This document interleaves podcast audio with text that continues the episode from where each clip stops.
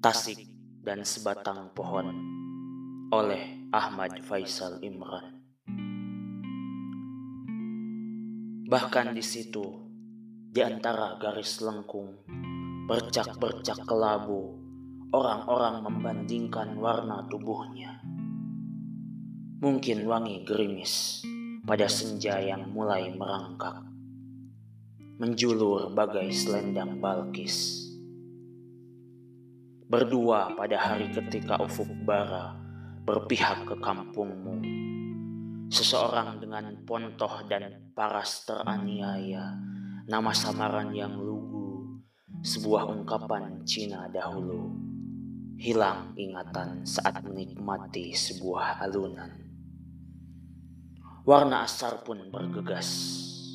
Setiap kali kuingat bayang-bayangmu Kuingat mawar yang dulu terbakar, tempurung kelapa dalam jala, sisa potongan tubuhmu benar-benar abadi di sini, dekat ilusimu sendiri.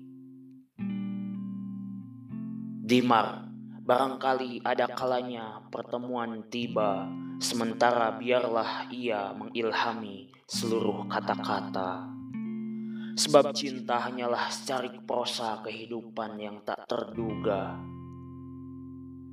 Setiap pagi mimpimu disentuh ratusan johar. Mungkin berbunga, mungkin luluh bersama bunga-bunga. Tadi malam setelah ku terima wejangan penuh pancaran, siapa yang kemudian memerahkan wajahmu itu? Senja biru yang mulai kekuning-kuningan, yang mulai digemari langit dalam tubuh awan, melumuri kusam tubuhmu. Memar di ujung alis mataku, ada burung malam di antara semilir angin. Di situ, kegelisahanmu nampak lebih telanjang, menjalar tak tergenang.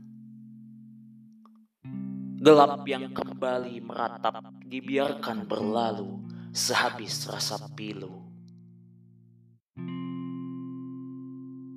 Sempurnalah anganmu menyerap torso-torso yang meleleh. Sisa pembakaran yang masih terasa di bawah satu-satunya pohon. Sementara waktu tak pernah bersifat remang, ia lebih lempang dari bentuk bayang-bayang. Rasa benci yang sering kali ditakuti sebuah keimanan. Barangkali seperti itulah puisi, mengendap bagai kebenaran nurani kaum sufi. Maka, seyogianya, setelah perjalanan singkat ini, temukanlah pijaran kata-kataku walau masih sebening sajak-sajak zam-zam, sajak-sajak surgawi.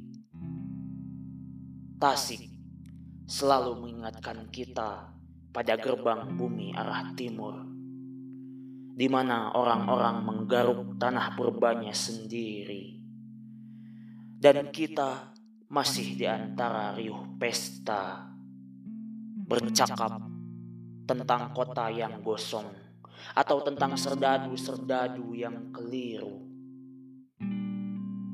Saat ini, ketika layar hitam dan sebuah lentera ditiadakan, rasa lapar dan keheningan malam kembali kita hayati. Kelak, apabila kau hendak membakar duniamu sendiri, ribuan jalan berbatu, kristal air mata, lorong-lorong berduri, kegelapan yang ranum, atau sorga tanpa sentuhan bunga. Mesti kau hadapi dengan ubun dan jidat mengerut. Dengan pokal yang terlepas bagai di ujung maut. Bukankah dulu bumi ini ditafsirkan dengan berbagai kehidupan? Tapi lihatlah Kuburan yang kau cari telah terbuka di mana-mana. 1998 sampai 2000